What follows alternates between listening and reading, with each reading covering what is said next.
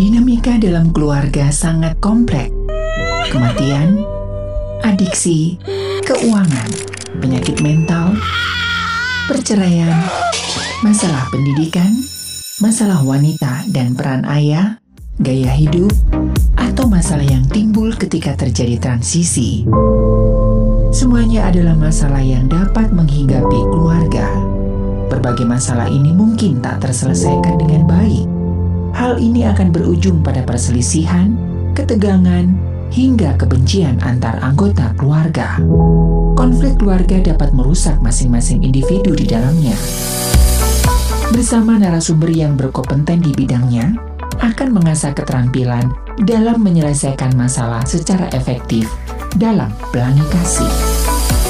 92,5 Maestro FM House with the Sound. Shalom dan apa kabar Sobat Maestro? Doa dan harapan kami Anda tetap sehat dan tetap menikmati segala kebaikan Tuhan ya. Tetap jaga protokol kesehatan Sobat Maestro ya Sekalipun memang sekarang sudah semakin longgar-longgar ya. Jangan sampai kebablasan gitu ya. Tetap kalau Anda di luar ruangan ataupun di kendaraan umum Ataupun di fasilitas umum tetap jaga uh, pakai masker Cuci tangan ya. Karena sekarang ini kan uh, penyakit-penyakit penyakit kan macam-macam ya, tidak hanya COVID tapi macam-macam sekarang. Nah, kita tidak ngomongin tentang penyakit, kita akan berbincang seputar ayah dan terima kasih buat respon Anda ya dan uh, jika ada topik-topik yang ingin kami bahas dan ada pertanyaan silakan di 081321000925. Sudah bersama saya Pastor Ivan Nugroho. Halo halo. Apa kabar Pastor Ivan?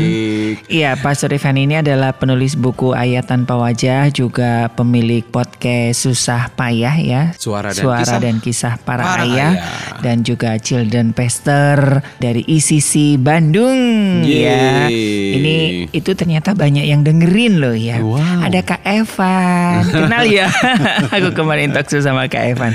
Ternyata dunia ending kecil. Pak Thomas juga apa kabar kepengen disapa katanya. Wah, halo Pak Thomas. Kenal ya? Iya.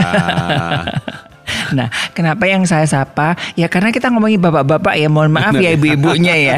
Ibu-ibunya nanti hari Kamis. tenang aja, tenang aja. Ibu-ibu pasti ada partnya ya, Mas Ari ya. Loh, di balik pria yang ini pasti ada ibu-ibu di belakang ya. Tapi sekarang kan pria juga lagi naik daun. Sekarang Oh, gitu. Virus aja namanya Hendra loh sekarang loh. Yes, Yang terbaru yes, kan ya, virus Hendra. iya. Jadi mas, maaf ya bapak-bapak yang namanya Hendra, bu jangan tersinggung karena lagi ngetren sekarang. Kali ini kita ngomong apa nih, eh, Pastor Ivan? Kita hari ini kita membahas topik yang sebenarnya kan kalau di dunia marketing, di dunia bisnis, di dunia Hmm. uh, apa parenting juga mungkin ya, kita tuh selalu ngomongin tentang skill. Gimana Skill. caranya uh, anak-anak kita mendapatkan skill- yang terbaik, Hmm, kemudian kit- mereka ya termasuk di dalamnya life skill juga. Nah, Hmm. kalau misalnya kita ngomongin soal bisnis ya tentu gimana kalau misalnya kita oh uh, apa mendapatkan atau mempunyai teknik marketing yang terbaik gitu ya. Iya. Jadi supaya kehidupan kita menjadi maksimal ketika kita bekerja. Hmm. Da- Ya sebenarnya ini di semua area juga ada ya.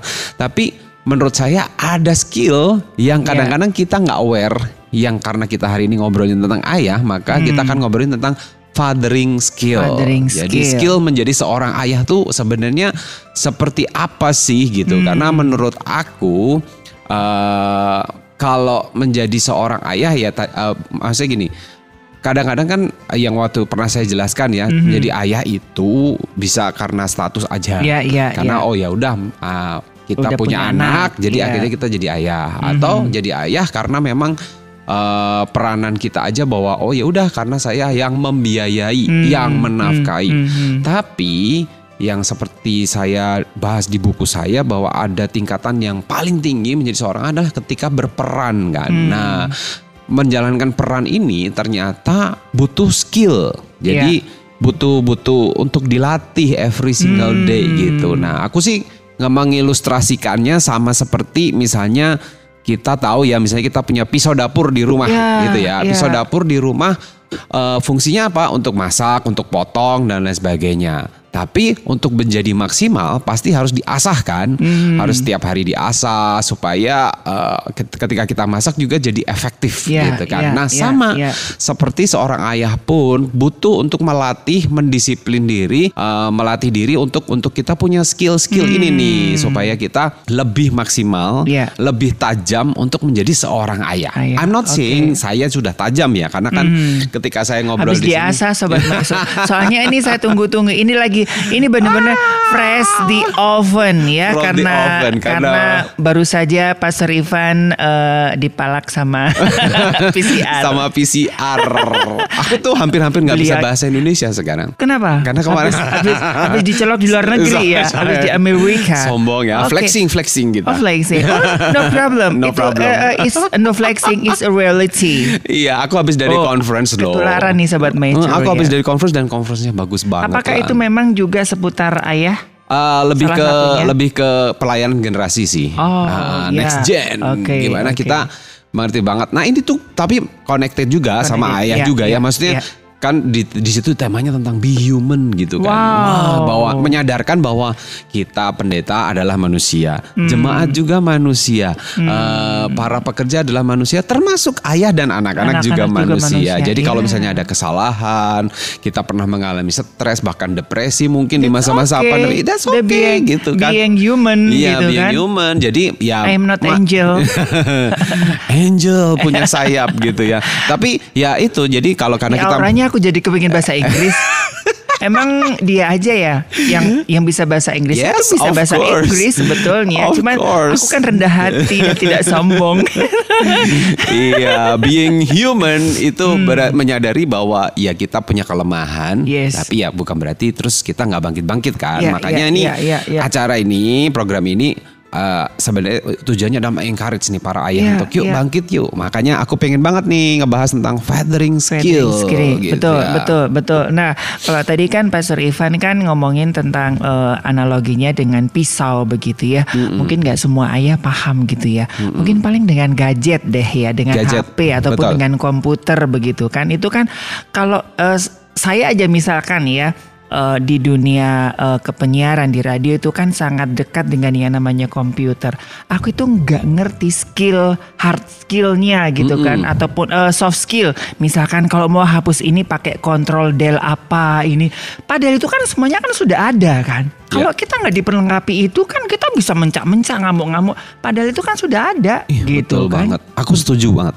Pas Ari, aku kan sempat kayak sebenarnya eh, beberapa kali tuh ngelihat di YouTube, Hmm. itu kayak ngelihat apa hal hal apa yang tersembunyi di dalam handphone kita yang selama ini tuh nggak pernah dipakai. Dipakai, iya Nah, kan? itu kan kayak misalnya, oh ternyata di handphone kita tuh punya kecanggihan seperti ini, Iya, kecanggihan seperti iya. ini. Nah, Bikin kolom tinggal klik klik klik jadi derut ngapain kita satu-satu itu kan. Iya bener banget loh, bener banget. Jadi, eh, nah mungkin para ayah juga harus kayak berpikir mengevaluasi.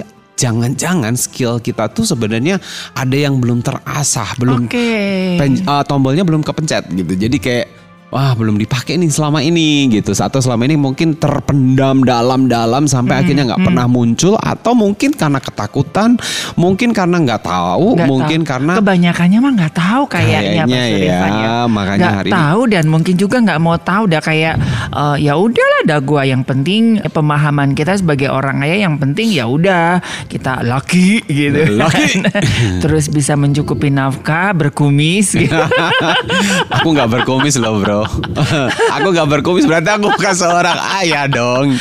sekarang kan lagi ngetren kan yang laki tuh yang berkumis By the way gitu. kalau aku numbuhin kumis aku lucu banget. Menjadi orang ayah bukan bukan hanya seperti itu Ya, ya bro ya. ya, Maksudnya ya. ya mungkin ada part di awal-awal aku bilang bahwa menjadi seorang ayah mungkin hanya status dan juga peranan kita untuk untuk apa namanya memenuhi kebutuhan dan lain sebagainya. Tapi aku mau kasih Iya. satu nih hal. Sebetulnya di bukunya Pastor Ivan itu sudah lengkap loh ya tools yang di buku ayat tanpa wajah sebetulnya ya Yes. kalau sobat maestro mau baca lagi satu persatu saya aja kemarin kan hanya apa ya kalau orang Jawa bilang itu geradakan gitu hanya Selewat gitu, gitu kan ya. selewat tapi kemarin aku baca lagi part demi part itu wow itu itu sebetulnya skill yang apa namanya tools-toolsnya itu sudah ada di situ Betul. gitu. Tinggal kita bagaimana memaksimalkan skill-skill Iya itu. mengaplikasikannya gitu. juga ya. Mm. Jadi uh, ya kadang-kadang juga uh, para ayah mungkin sudah tahu, sudah baca, Ya. tapi melangkah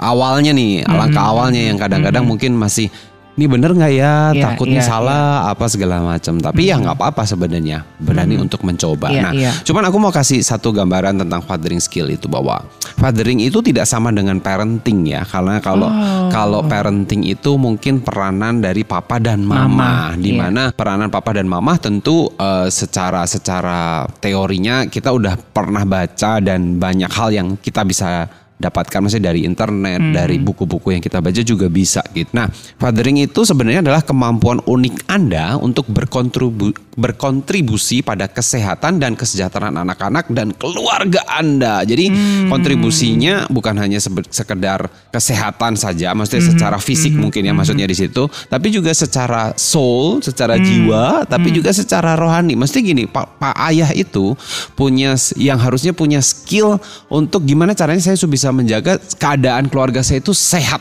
Tapi Iya, di iya. semua area gitu. Karena Wow. you are the leader loh. Maksudnya kamu kita ini Iya, adalah pemimpin. Jadi iya. kita tuh yang create atmosphere. Kita ini adalah culture engineer gitu. Iya, jadi iya. jadi ya mau seperti apa bentukan keluarga kita sebenarnya sangat ditentukan Ayah. oleh ayah. Oke. Itulah makanya saya sebut fathering skill. Hmm. Tentu ibu itu memberi warna ya. Sekali lagi Iya, bukan iya, ibu berarti iya. peranannya lebih eh, nggak nggak penting, tapi ibu itu punya peranan yang berbeda gitu. Hmm, Iya, iya, nah, iya. sementara ayah itu seperti eh, ya Tuhan itu menciptakan Adam untuk menjadi pemimpin, untuk Hmm, menjadi eh, orang yang benar-benar eh, apa ya eh, lead gitu ya. Maksudnya iya, saya iya. create something Iya. gitu. di Jadi situ. si bapak ini kasarannya jadi arsiteknya lah ya, bikin desainnya. Bener. Mamahnya itu yang tinggal oh Decorate- ini dekoratnya, gitu ya. Wah, desain ya. interiornya gitu ya. Ini tambahi kelambu, tambahi apa Wah, gitu kali ya. Jadi indah kan gitu Indah, keluarga kita betul, ya. betul, betul.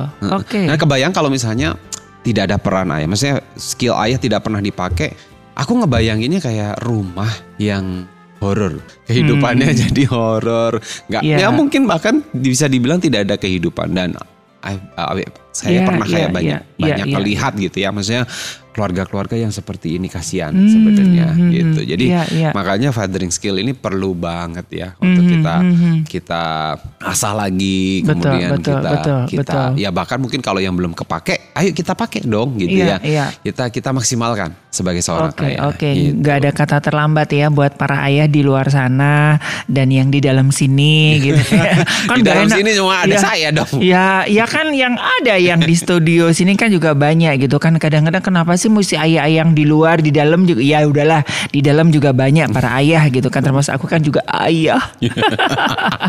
ayah bagi anak-anak jalanan. amin Oke. Nah, itu tadi yang pertama Pak Serifan. Yang kedua nih, skill yang harus dimunculkan nih. Hmm, se- sebenarnya aku belum belum masuk ke skillnya Iya, sih ya, tapi ini aku lebih sebagai ke ini, ini ini baru ya, openingnya opening, aja. oke. Dan termasuk di dalamnya adalah aku mau encourage nih para ayah. Hmm. Ayah itu adalah seseorang yang unik dan istimewa dalam kehidupan anak-anak. Oh, uniknya, Jadi istimewanya. uniknya yaitu tadi eh, Anda itu tidak bisa digantikan perannya oleh ibu sebenarnya. Oke. Nah, nah, makanya sebenarnya kalau misalnya ada Iya, single mom iya, iya. atau sekalipun ibu seakan-akan bisa ya sebagai sebagai ya mohon maaf bagi sobat maestro yang mungkin harus divorce dan segala macam begitu kan. Tapi wanita tuh hebat loh, bisa sebagai ayah loh. betul. Tapi ayah gak bisa sebagai ibu. Betul. Tapi aku mau encourage juga bahwa bahwa pa- para ayah ini adalah unik. Tid- Yes. Misalnya perannya itu tidak tergantikan sebenarnya. Yes, yes. Tapi ibu juga begitu kan. Semuanya juga Maksudnya sama, Ibu juga semuanya ya sama. itu susah. gitu. Masing-masing keluarga itu nggak ada yang bisa tergantikan kok sobat maestro. Bener. Cuman memang ya itu tadi Tuhan sudah menciptakan satu sistem keluarga yang memang masing-masing itu mempunyai peran yang nggak tergantikan Betul. sekalipun bisa, tapi ya juga tetap aja timpang Ya, ya. gitu kan Dalam ya. keadaan-keadaan yang memang Tertentu lah tertentu ya. Tapi tetap pasti ada support system Yes, kan ya. Pasti yes, ada komunitas yes, bisa yes, support yes. para misalnya single mom atau mungkin para ayah yang uh, single father Single juga father, gitu. iya. Tapi ya anak-anak yang mungkin Heeh. juga eh anak tunggal ataupun juga keluarga-keluarga yang belum diberikan kepercayaan anugerah seorang anak begitu ya. Itu kan juga tetap tetap Anda juga seorang ayah ya. Jadi ini ini ini tidak hanya berbicara Anda sebagai ayah yang memiliki anak secara biologis tetapi juga bisa ya kan mungkin juga dengan keponakan juga anak-anak di Iya, komunitas di mana pun kita Anda bisa berperan, kita berperan Iya di maksimal. kantor juga bisa oke Betul banget, betul banget. Jadi hari ini saya mau membahas beberapa hal yang berhubungan dengan skill ini. Hmm. Jadi ketika kita menggunakan skill, nanti aku akan uh, lebih detail ngomongin skillnya di dalam uh, beberapa part ini ya. Hmm. Oke. Maksudnya dibutuhkan beberapa hal yang uh, dalam rangka untuk memiliki skill ini. Yang pertama adalah involvement. Hmm. Jadi seorang ayah itu harus terlibat di dalam kehidupan anak-anaknya. Nah, aku tuh pernah nih lagi di mall, Hmm. kemudian aku lihat satu keluarga Iya. datang, biasalah ya kan misalnya hari Minggu. Uh, Ku mereka turut tuh kayak ayah ke kota, gua ya. turut ke ayah ke mall. Ayah ke mall. Dan memang dia gerejanya di mall. Ku turut ayah ke mall, kemudian saya lihat nih uh, mereka berdua bawa uh, papa dan mama bawa anak ke tempat bermain, kan arena bermain di situ Hmm. kan. Akhirnya anaknya dimasukin, mamanya pamit bye, Belanja. belanja, papanya main handphone gitu. Nah, aku sih tidak menyalahkan itu. Mungkin Hmm, memang mereka punya rules yang gimana. Cuman kalau ngomongin soal involvement dalam kehidupan anak-anak, aku tidak saranin ketika misalnya kalian punya uh, para ayah nih, oh aku lagi family day nih gitu. Tapi family day yang yang. Tapi sehat. masing-masing, Benar, ya. family yang family day yang sehat adalah butuh involvement dari seorang ayah, nggak bisa sendiri-sendiri gitu. Maksudnya Jadi tetap ngeblend di situ Ngobrol. ya. benar. Ikut- Jadi jadi kayak Oh, makanya aku I see, I bilang involve, terlibat di dalam ke- kehidupan anak-anakmu Oh, yes. gitu. Jadi nggak bisa apa ay- ma- anaknya main, ayahnya main handphone, mamanya belanja. Nah, itu nggak ada involvement terutama buat para ayah eh, yang mungkin dalam tanda kutip kalau sekarang tuh masanya eh, ayah tuh jarang banget gitu mau get involved in your in their children's life gitu ya. Karena kan kebanyakan mamanya ya. Mesti Iya, kalau iya, mama iya. tuh kayak udah nature banget ya Iya. gantiin popo, main gitu. Uh, Tangannya tuh kalau aku pernah lihat di TikTok tuh eh, semua bahkan ke toilet pun Iya. anak-anaknya ada di situ gitu. Betul, betul, betul, betul. Gak bisa bergerak sama sekali. Segala gitu. macam ya.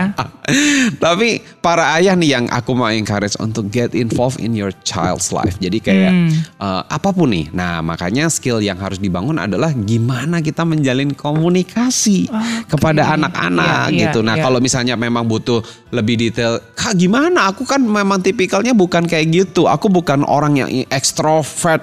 Aku bukan orang yang uh, guru. Bahkan aku bukan guru sekolah minggu. Aku nggak Hmm, tahu cerita ke anak-anak. Nah itu tuh bisa dilatih yang Yes, seperti saya yes, bilang tadi betul. sebenarnya. Aku Ikut bahkan aja nimbrung aja ya sebetulnya Bener. ya. Mm-mm, jadi kayak kayak akhirnya aku tuh bahkan belajar gimana sih cara ngomong kepada anak yang anakku yang cewek supaya lebih maksimal nih lo supaya Hmm. mereka lebih memahami aku gitu. Karena kan kalau cewek sama cowok juga beda gitu. Nah, aku pengen para ayah aku mau encourage para ayah, yuk kita belajar untuk bisnis aja ya. Misalnya kita Hmm, ngobrolin soal oh oh aku lagi eh, usaha nih di bidang saham gitu ya. Iya. Wih, belajarnya bisa Ya, mati-matian kan. Oh, pakai YouTube apa, Sampai YouTube segala apa gitu. macam ya. Segala macam seminar juga diikutin Ikutin. gitu.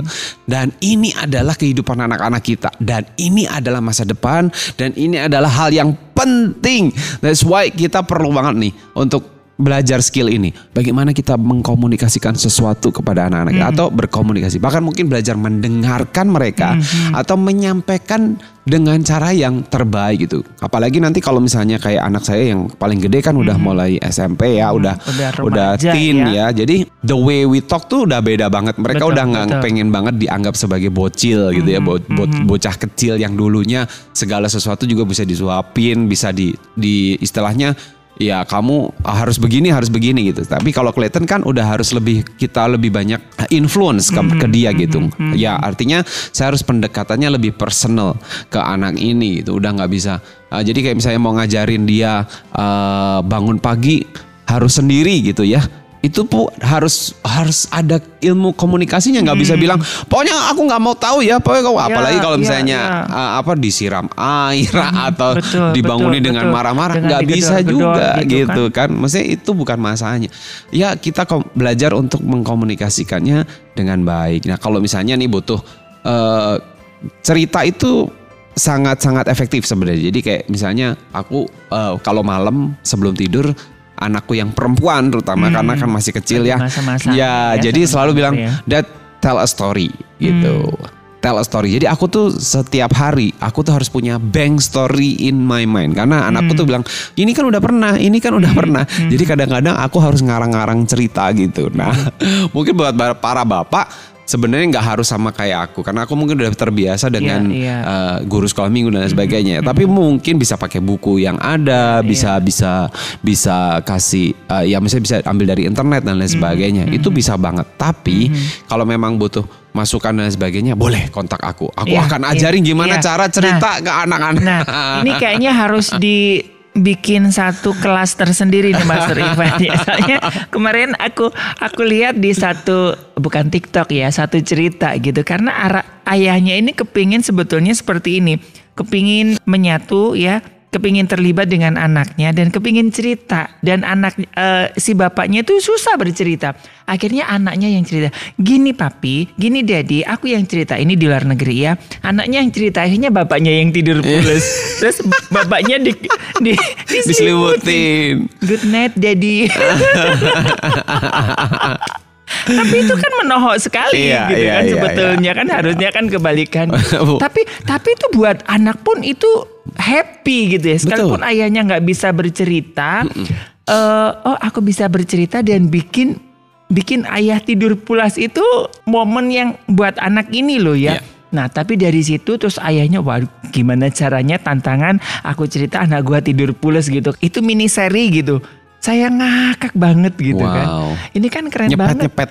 iya, iya gitu. Nah itu sepertinya pas River buka kelas tuh. Kadang-kadang kan memang eh, ap- laki-laki itu kan dengan logika ya. Nanti aku begini, nanti dengan waktu udah dihitung nih dua menit, tiga menit. Anakku harus tidur. Kalau nggak tidur nanti plan gitu kan. Udah ada di rancangan di otak gitu kan. Sehingga ketika nggak jadi itu kan. Kenapa anakku nggak makin nggak tidur ya, makin beringas gitu kan. Itu kan yang melelahkan. stres kita. Iya kan, melelahkan gitu kan. Nah itu triknya nanti sama Pastor Iya, Ivan iya, iya, bagaimana membuat cerita yang bikin anak tertidur. Bukan semakin anaknya semakin nggak bisa tidur. Soalnya ada gitu Iya, teman iya. aku juga bilang gitu. "Eh, Ri gimana sih bikin ceritanya anak aku aku kasih cerita mungkin umurnya kali ya Pastor Iya. Ivan ya begitu dia kasih ini anaknya mikir kok bisa begitu sih ya Hmm, ya itu itu skill-skill yang maksudnya le- applicable-nya seperti apa sih gitu Hmm, ya. Dan termasuk mungkin satu tadi eh, bagaimana kita berkomunikasi. Iya. Kemudian get involved juga ketika di momen-momen penting dalam kehidupan mereka dong gitu ya. Hmm. Termasuk misalnya ketika mereka ulang tahun, ketika mereka naik kelas, Hmm, ketika mereka menerima raport gitu kan. Kadang-kadang kita suka meremehkan ya. Padahal ya Eh, anak-anak tuh suka kadang-kadang mungkin batin gitu ya di dalam hatinya tuh di dalam hatinya tuh suka kenapa ya? Kalau orang tua itu selalu punya waktu kalau orang tua aku nggak punya waktu gitu. Ya, nah itu ya, tuh ya. bisa jadi sa- satu pemikiran sendiri. Dan kalau kita nggak berhati-hati itu bisa ada ya eh, kekecewaan di dalam diri anak-anak gitu. Aku kemarin termasuk yang melewatkan ulang tahun anakku karena aku harus pergi ke luar oh, negeri oh dikirain itu sehabis sama si Clayton ulang tahun Enggak, Didi. jadi pas Oh. sehari sebelum aku pulang itu Clayton ulang tahun sebenarnya. Jadi aku sampai minta maaf banget sama Clayton dan lain sebagainya. Tapi kita video call tetap segala macam karena kan memang conference-nya di dimepet dengan iya. hari ulang tahunnya gitu. Tapi sekali lagi Ya, ini ini kuncinya komunikasi. ya. komunikasi. Ya memang pas awal-awal pas kita kasih tahu Clayton juga wah set dia gitu. Karena dia kami itu punya kebiasaan setiap kali ulang tahun kami itu satu pasti decorate something gitu. Maksudnya kita bikin satu ruangan khusus di rumah kita untuk memang mendekor sesuatu buat ulang ulang tahun. Mau maminya yang ulang tahun, yang pokoknya semuanya get involved. Terus yang Iya. pasti kita celebrate bareng-bareng, nah pasti makan malam bareng gitu. Sesederhana mungkin ya kalau kalau buat papa mama yang di sana, eh papa-papa yang ada di sana nggak harus yang mewah dan lain Iya, sebagainya. iya. Tapi ada involvement di dalamnya gitu. Jadi anak-anak tuh excited. Makanya sempat ada omongan gini kata istri saya, anak-anak saya tuh bilang gini, beda ya kalau ulang tahun nggak ada Nggak ada, daddy iya, gitu. Jadi iya. kayak rasa kehilangan sedih. separuh nyawa gitu ya kayak Gitu. lagunya itu ya. Dari sisi itu juga hal-hal hari-hari penting itu kita harus involve di Hmm, dalamnya. Terus kemudian misalnya get involved in apa ya maksudnya dalam kehidupan pribadi mereka juga ya. Maksudnya mungkin soal mereka belajar, mereka Hmm, mungkin uh, sedang mengalami masa-masa yang berat dengan dengan uh, teman-teman mereka, itu kita harus involve gitu. Hmm. Kadang-kadang karena kalau soal belajar, maaf, saya bukan ahlinya, istri saya lebih Ya, ya, ahli. ya, ya. Jadi kalau anak saya udah tahu, kalau misalnya sebenarnya kalau belajar, tapi kalau misalnya eh, saya selalu berusaha untuk maksimal dan artinya yang yang saya bisa, saya akan lakukan maksimal. Kayak misalnya, oh bahasa Indonesia bisa dong gitu. Hmm, Ya, kalau ya. kimia, fisika, istri Ya. saya gitu. Ya. Jadi tapi justru di momen-momen saya ngajarin dia tentang, misalnya dia nanya, Dad aku harus ngarang ini eh, cerita ini. Oke, kamu coba dulu, nanti Dedi kasih masukan. Nah itu kesempatan Hmm, nih untuk ngobrol sebenarnya, memasukkan banyak lebih banyak nilai kan ke anak-anak gitu. Iya, Wala- iya. Ya, maksudnya aku ada di kamarnya itu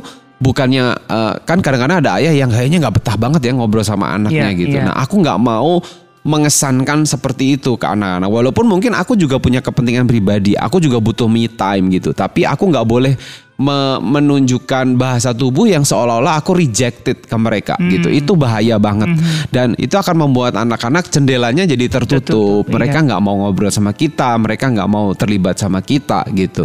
Nah, sebisa mungkin eh, termasuk di dalamnya juga bermain sama anak-anak. Aku sampai belajar loh, sampai belajar eh, menggambar, saya belajar menggambar di YouTube. Terus ketika anakku yang perempuan eh, suka main boneka-bonekaan yang ada rumah-rumahan, aku belajar eh gimana ya caranya supaya bi- bisa bikin perabotan kecil-kecil itu? dari kertas bekas, eh kardus bekas, Iya. dari styrofoam segala macam. Sampai akhirnya aku bikin rumah-rumahan boneka dengan kemampuan aku gitu. Walaupun Dengan kayak ini kekuatan. dengan kekuatan sekuat tenagaku ya. Walaupun aslinya Dengan kayak kekuatan api cinta. kok nggak sebagus yang di toko-toko ya gitu. Tapi anak aku happy gitu. Anak aku happy. Jadi ya termasuk ya bermain itu perlu banget skill yang harus kita. Heeh, karena kan Kita latih. nggak ya. bisa tiba-tiba. Ya maksudnya gini kita memang pernah kecil. Mhm, tapi ketika kita misalnya harus bermain dengan anak kecil itu beda beda part sebenarnya. Jadi kayak kita butuh belajar. Seperti yang saya analogikan tadi. Maksudnya eh, tombol mana nih yang perlu kita aktifkan gitu. Tapi ya perlu belajar itu gitu Iya, ya. iya, gimana cara mengimajinasikan anak-anak tuh. karena kalau nggak begitu kita akan jadi kayak ah males ya. Ah males ya. Gitu kan. Iya, iya. kayak dulu anak aku suka lagi main, ma- lagi suka main Lego. Aku jadi harus belajar untuk mengim- mengimajinasikan ini kira-kira aku mau bikin apa. Karena anakku selalu bilang ayo dad aku bikin ini Iya. kamu bikin itu gitu. Betul, betul. Soalnya kan ada beberapa anak ah nggak si papi garing, nah betul betul. Nggak mau ah si papi nggak asik gitu. Dan memang kadang-kadang sengaja orang tuanya biar nggak asik, biar nggak direpotin anaknya. Bener, bener, bener. Sampai akhirnya anaknya ya udah aku main sendiri aja Iya. daripada sama Iya, wabah ih, gitu. papi ah nggak asik, nggak asik. Gitu. Iya, tapi kan poinnya adalah gimana kita bisa menanamkan sebanyak mungkin nilai dalam kehidupan mereka Hmm. ya, punya waktu sama mereka dan punya connection Hmm. karena there is no instruction without connection. Oke, Jadi oke. memang aku benar-benar belajar untuk gimana ya membangun eh, apa koneksi sama anak-anak saya supaya lebih dekat. Jadi ketika misalnya saya menyampaikan sesuatu, anak-anak saya nggak langsung reject gitu. Iya, iya. Mereka perlu eh, apa ya perlu masukan yang sifatnya tidak menghakimi sikapnya sifatnya tidak eh, em, seolah-olah ini menuduh mereka gitu tapi lebih ke komunikasi karena aku lagi belajar banget nih tentang yang pritin juga eh, bahwa ke depan hubungan kita dengan anak-anak itu udah nggak bisa lagi pakai otoritas kan. Jadi eh, kalau misalnya udah mulai kuliah dan sebagainya, kita harus menjadi teman akhirnya endingnya. Jadi tempat mereka karena udah nggak bisa lagi diatur. Maksudnya aku udah nggak bisa lagi, Kleh kamu harus gini, Kleh kamu harus gini. Iya, karena iya, mereka iya, sudah iya. punya punya bank eh, di dalam apa value-value yang ada di dalam pikiran mereka yang mereka bisa pakai untuk Hmm. mereka berjuang di luar sana gitu. Jadi buat saya ya akhirnya saya hanya bisa jadi teman curhat nantinya. Iya, iya. Ya mungkin boleh kasih masukan, boleh kasih tapi sekali lagi mereka udah gede dan mereka harus memutuskan kan. That's why momen-momen penting dan skill-skill yang kita miliki hari-hari ini harus kita latih terus Iya, supaya kita iya. punya kedekatan sama anak-anak. Kita Betul, punya hubungan betul. emosional yang dalam sama anak-anak. Seperti itu, Bro. Betul, betul. Nah, keterlibatan ini sebetulnya ada banyak hal nih, eh, Pak Zurifan yang ingin saya tanyakan gitu kan. Eh, apakah memang itu keterlibatan yang setiap aktivitas anak ayah harus selalu ikut nanti kan jadinya kan ih papi kepo banget sih gitu. Apakah memang ada batasan-batasannya eh, ataupun juga ada batasan-batasan umur gitu kan. Terus juga kan kadang anak-anak ih papi aku nggak mau diganggu nggak nah. Terus tapi papinya mau sengaja mau nimbrung aja Eh, gitu kan. Nah, at- wah ini berarti aku harus kepo-kepo anak gua 24 jam dong Pastor Ivan gitu kan. Ya seperti saya pernah sharing juga ya tentang eh, mendidik anak dalam corong. Tentunya ketika mereka masih kecil, keterlibatan kita pasti lebih full, lebih lebih dominan, lebih eh, prosentasinya lebih banyak gitu ya. Terutama ya sekali lagi ayah itu punya peranan yang sangat penting sih. Jadi makanya skill-skill ini harus dipakai selama mereka belum menginjak masa-masa yang nanti akhirnya kita bebaskan sebenarnya. Ketika ketika mereka dibebaskan kan mereka udah punya dunia. Tapi tapi uh, ada ada tips nih buat buat papa-papa. Kalau memang masih mau kan sebenarnya aku suka tuh kalau ngelihat ada keluarga yang udah masing-masing punya keluarga sendiri gitu ya. Ini papa mama udah tua. Terus oh, misalnya anaknya di luar kota, tapi misalnya nih setiap hari ulang tahun salah satu orang mereka ngumpul bareng. Nah, itu kan i- eh, culture yang dibangun, kebiasaan yang dibangun. iya. Nah, itu juga tugas kita sebenarnya. Jadi, kalaupun misalnya one day anak kita udah punya kebebasan untuk memilih dan boleh eh, eh, boleh pergi ke mana aja mereka mau, tapi kita harus bisa menciptakan tuh si culture itu. Maksudnya, oh kalau misalnya memang hari-hari penting ya kalau bisa kita ada di rumah gitu. Atau misalnya makan malam kita di rumah kecuali memang kepepet dan lain sebagainya atau mungkin kamu di luar kota ya nggak perlu gitu kan. Jadi ya memang para ayah eh, terlibat of course, Ya. tapi di kemudian hari makin lama makin dikendorkan tentunya ya nah, keterlibatan itu. itu. Nah itu ya sobat maestro jangan sampai nanti soalnya ini ada beberapa temen ya yang kedekatannya dia terlalu dekat gitu. Jadi anak-anaknya itu sampai nggak bisa ditinggal. Aku tuh dulu pernah jadi guru kan, guru TK ceritanya. Jadi ada momen-momen di mana dan aku juga mengalami sebenarnya kayak misalnya momen pertama kali sekolah. Wah, itu kan seru banget tuh. Jadi kayak anak-anak nangis karena ditinggal Iya, pertama tinggal kali segala macam. Nah, iya. Dedi-dedi juga eh, aku pernah bikin deh kalau nggak salah di YouTube gitu. Eh, aku pernah bikin konten tentang eh, tips gimana pertama kali anak ketika masuk sekolah. sekolah kan biasanya nangis dan lain sebagainya gitu kan. Nah, Dedi Dedi bisa ber- berperan bagus tuh seperti maksudnya untuk memberikan rasa aman kepada mereka ketika ditinggalkan karena pasti mereka akan takut, "Oh, Takut, kok ini iya, dunia iya, baru iya. dan lain sebagainya. Tapi ini bagus untuk supaya mereka tahu bahwa uh, ada masanya kamu memang sekolah, ada masanya papa bekerja, Mhm. ada masanya nanti kita kumpul bareng. Nah, itu tuh butuh skill sebenarnya untuk Iya, iya, mengkomunikasikan sekali lagi ya. Jadi dan butuh waktu tentunya butuh proses betul. dan kita harus lebih tega sebenarnya. Nah, itu itu harus harus tega ya. Kadang-kadang kan orang, ya "Aduh, mesti kita udah percaya aja sama guru ya kalau ada apa-apa pasti kan gurunya akan report gitu jadi aku juga dulu sempat ngalami aduh apalagi anak saya yang paling kecil kan cewek gitu ya kalau yang cowok saya udah kamu masuk gitu kalau yang cewek tuh gitu-gitu kan jadi kitanya "Eh, gimana iya, ini iya mau ditinggal teda gimana nggak ditinggal itu gimana gitu ya. Oke, baru skill pertama nih Pastor Yes. Ivan ya sepanjang ini ya Iya. sepanjang jalan kenangan nih. sepanjang jalan kenangan. Oke. Baru masuk bar hal berikutnya yaitu responsibility atau Oke. tanggung jawab gitu. Nah, Hmm. aku kan beberapa kali menemukan case yang ya pernah ya waktu itu kita juga sharing maksudnya kok banyak ya ayah-ayah yang ketika misalnya menghadapi hal yang berat justru meninggalkan. Meninggalkan. Yes. Nah, itu tuh sedih banget menurut aku. Kenapa itu Pastor Ivan? Kok begitu mudahnya gitu loh. Harusnya kan ya ya ya soalnya ini kan ada beberapa eh, sobat maestro dan ada beberapa temen kita juga yang ketika ada masalah-masalah berat malah dia cung aja. Heeh. Jadi keluarganya, istrinya sendiri sama anak-anaknya sendiri gimana caranya bodoh amat lah. Yang penting gua happy gitu. Apakah memang itu natural lelaki? dia lagi kan Natural manusia kayaknya. Katanya lelaki itu kalau lagi ada konflik dia kepingin bersembunyi di gua. oh gitu ya. Katanya begitu. ya kalau kalau dari sisi aku sih eh, semuanya based on decision semuanya. Hmm. Ya, jadi memang keputusan. Nah, sekali lagi ini butuh skill yang harus dibangun Yes, dan yes. dilatih every single day. Mungkin ada beberapa orang yang uh, beberapa ayah atau beberapa pria yang di masa lalunya tidak pernah mendapatkan uh, perlakuan yang proper dari orang tuanya atau mungkin dari ayahnya gitu ya. Sehingga mereka tuh ketika misalnya menghadapi masalah, mereka don't know what to do, nggak tahu apa yang harus mereka lakukan dan mereka cenderung untuk diam dan mungkin jadi nggak berfungsi justru Ya, atau ya, bahkan ya. yang parah adalah meninggalkan. Nah, itu. Nah itu itu sebenarnya menurut aku eh, apa ya eh, sesuatu yang memang dibawa dari ketika mereka dibesarkan dulu gitu. Jadi jadi Jadi itu lebih banyak ke pola asuh pola begitu ya. asuh. Jadi ngikutin pola asuh bener orang tuanya banget, ya. Bener banget.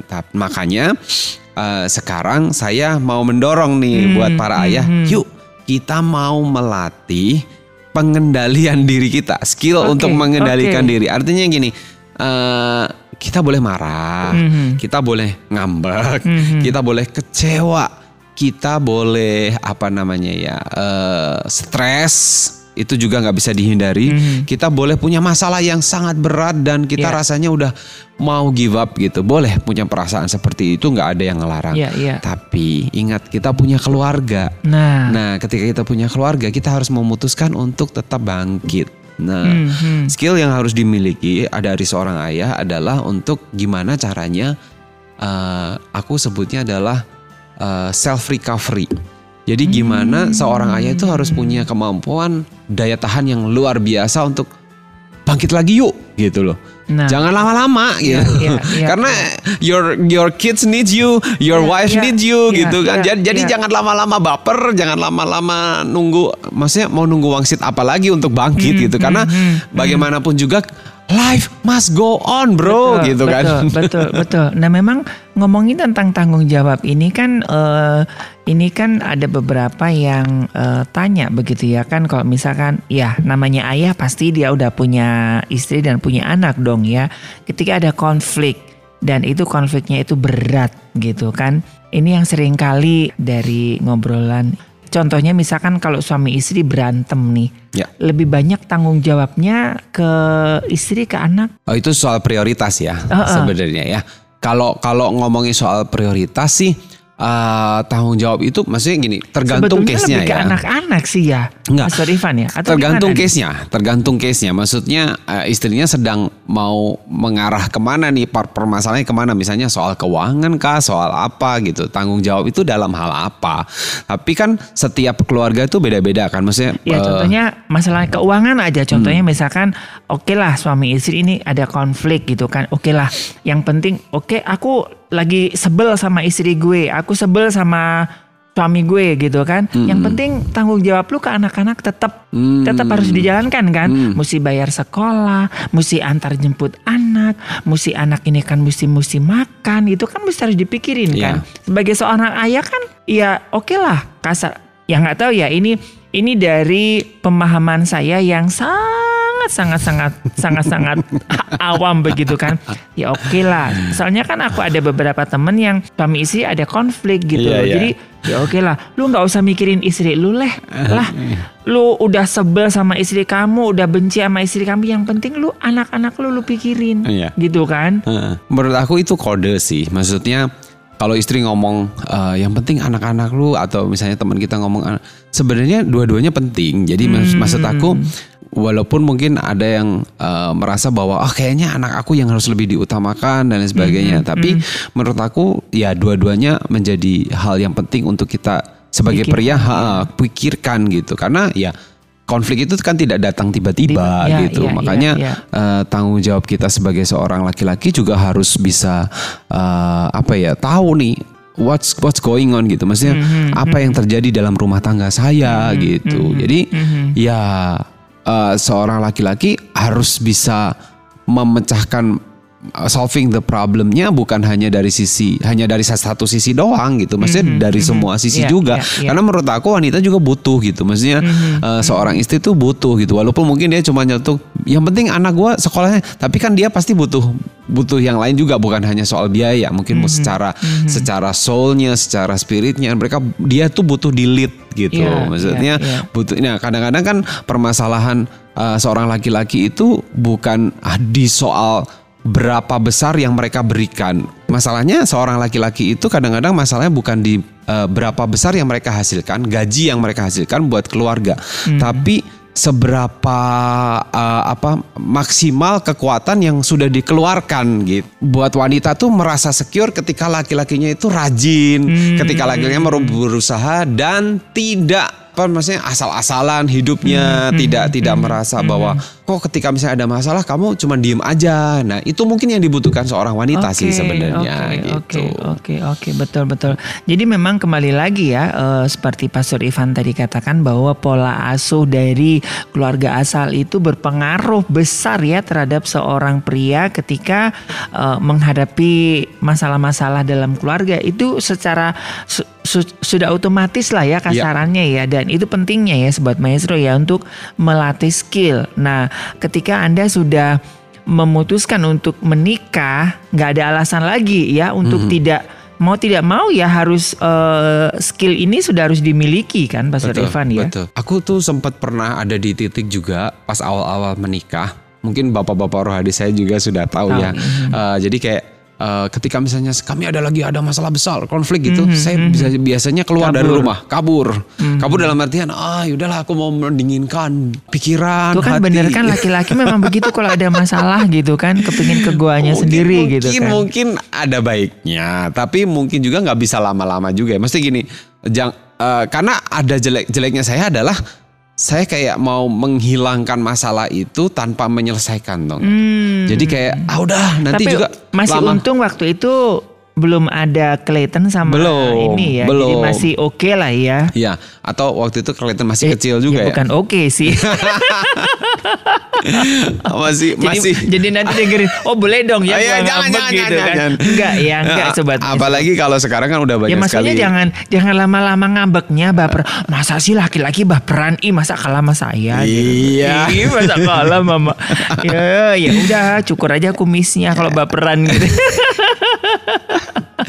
Jadi aku tuh mengencourage banget ya eh, karena berdasarkan pengalaman itu toh itu tidak menyelesaikan masalah gitu. Iya, iya. Maksud aku aku belajar banget ketika aku ada masalah I, I will stay. Hmm, Saya akan tetap tinggal walaupun mungkin kita butuh ketenangan, kita butuh bilang oke tinggal dikomunikasikan aja kalau misalnya memang ada masalah oke sekarang kita diem dulu deh nanti daripada ributnya makin Makin eh, memuncak gitu, gitu ya. memuncak. Tapi nanti sebelum tidur kita selesaiin bareng-bareng gitu kan. Hmm. Nah, eh, sekarang udah ada perubahan dong ya, maksudnya Hmm. dari sisi itu. Tapi aku mengencourage bahwa skill untuk ber, eh, untuk bisa me- apa speed recovery tadi Hmm. ya, self recovery tadi itu harus dimiliki oleh para ayah karena Iya iya. Se, se- seberat apa pun masalah, sehebat apa pun badai yang sedang mencoba untuk menghancurkan kehidupan rumah tangga kita, we need to raise up gitu. Maksudnya Oh, untuk kita bangkit, bangkit. dengan segera gitu. Karena anak-anak kita menunggu, anak-anak eh, istri kita sedang sedang menanti-nanti what's going in what's going on next gitu. Jadi maksudnya apa yang akan terjadi berikutnya gitu. Jadi I know nggak gampang. Apalagi kalau udah memang dari awalnya tuh so- kan ya itu tadi pola asuh ya kadang-kadang Iya, mungkin iya, kita iya, baperan betul, kita betul. jadi ngambekan. Kan ada ya laki-laki yang gitu aku ya. juga kayak begitu ya kalau udah nikah terus punya anak berantem gitu ya. Ya aku ngambek pulang aku juga dulu gitu maksudnya. Eh, apalagi kalau misalnya aku aku lagi dimarahin bos terus itu bisa merambah ke mana-mana gitu. Jadi kayak ke, ke, ke istriku kena ke anak-anak kena Iya iya. ya naturalnya mungkin bi- bisa gitu ya maksudnya manusia ya Tapi, aku sudah belajar untuk finishing well sih, Asik. eh, Pastor Rifan. Itu itu benar-benar, ya se seberat apa pun masalahnya, se iniin ya, aku harus harus finishing well. Itu sih. Nah itu juga salah salah satu skill ya. Apa pun eh, yang akan kita terima, yang penting ya udah kita finishing well, gitu. Mm, mm, mm. Itu itu. Nah it- apalagi dengan ya ini finishing finishing well bukan berarti kita cerai baik-baik ya. No, bukan itu. Maksudnya kita menyelesaikan uh, konflik itu dengan ya ya diseles dihadapi gitu loh. betul banget. Nah itulah dituntut sebagai seorang ayah ada tanggung jawab. Hmm. Ya, skill yang dimiliki ya harus speed recovery, Iya, iya. uh, make a decision Hmm. gitu kan. Kadang-kadang istri suka gitu ya gemes sama kita. Ayo cepat putuskan segera gitu. Iya, iya, iya. Jadi ya perlu banget tuh untuk untuk punya skill seperti itu. Nah, yang terakhir yang terakhir Hmm. Oke. beberapa hal yang saya maksud yang soal skill fathering skill tadi adalah komitmen. Komitmen Ya. itu penting banget. Saya sangat-sangat mengajarkan ke anak-anak saya juga tentang yang namanya eh, apa? eh, Ketika misalnya kita memulai sesuatu, kita harus menyelesaikan. Ketika kita misalnya mendapatkan tugas, kita harus seperti Bro Arya tadi bilang finishing, well, gitu ya. Jadi eh, ini ini ini skill yang harus dimiliki seorang ayah juga gitu untuk untuk bisa lebih berkomitmen dengan semua yang yang dia lakukan yang berhubungan dengan kehidupan dia sebenarnya. Jadi anak-anak tuh lagi ngelihat kita bahwa nih papa nih orang yang komitmen gak ya dengan dengan perkataannya, dengan perbuatannya, dengan apa yang dia kerjakan sekarang gitu. Jadi kita perlu belajar banyak untuk eh, gimana melatih skill kita supaya kita lebih berkomitmen di Iya, depan anak-anak. aku jadi ingat ya eh, apa ya ini juga film ya ini eh, kita nggak nggak nggak menyarankan sebuah perceraian ya sobat maestro ya. Cuman ketika eh, ada tuh eh, filmnya ya ketika ini kan saat-saat yang sangat mengharukan ya ketika akad nikah begitu ya Ke- ketika eh, di pelaminan kan seorang ayah aduh jadi pengen nangis seorang ayah menyerahkan anak perempuannya kepada menantunya dibilang iya. begini hari ini aku menyerahkan anakku untuk menjadi istrimu tapi suatu kali nanti kalau kamu sudah bosen dengan anakku jangan Oh, pukul dia gitu kan Aku tahu itu. balikin ke saya saya bapaknya saya akan terima dia saya akan rawat dia Mhm. kamu awalnya udah baik sama dia balikin dia dengan baik wow Iya. itu benar-benar sebuah petuah yang Luar biasa. luar biasa. Nah kasaran kalaupun toh kamu harus bercerai jangan sampai nyakitin itu gitu loh. Itu Iya. anak orang loh kasarannya loh ya begitu kan. Anda dulu mengambil istri Anda dengan baik-baik. Ya pulangin kak dengan baik-baik gitu kan kasarannya ya.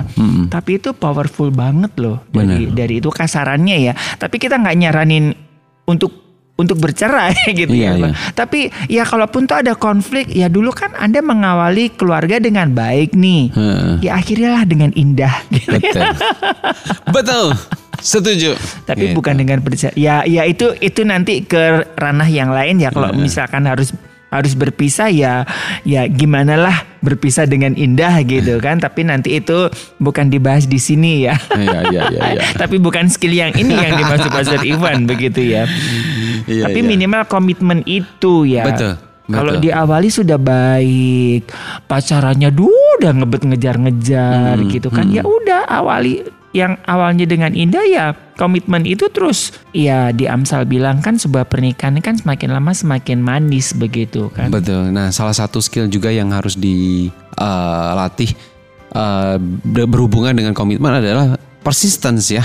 Gimana Oh. kita bisa eh, melakukan sesuatu dengan persistence gitu. Jadi kayak eh, ka- jujurli ya, Hmm. Iya, jujurli. iya, jujurli. Aku tuh Jujurli. orang yang mudah menyerah, ah, easily give up dulu tuh. Jadi Hmm. kayak misalnya mau mencoba sesuatu nggak bisa, ah ya udah ah gitu.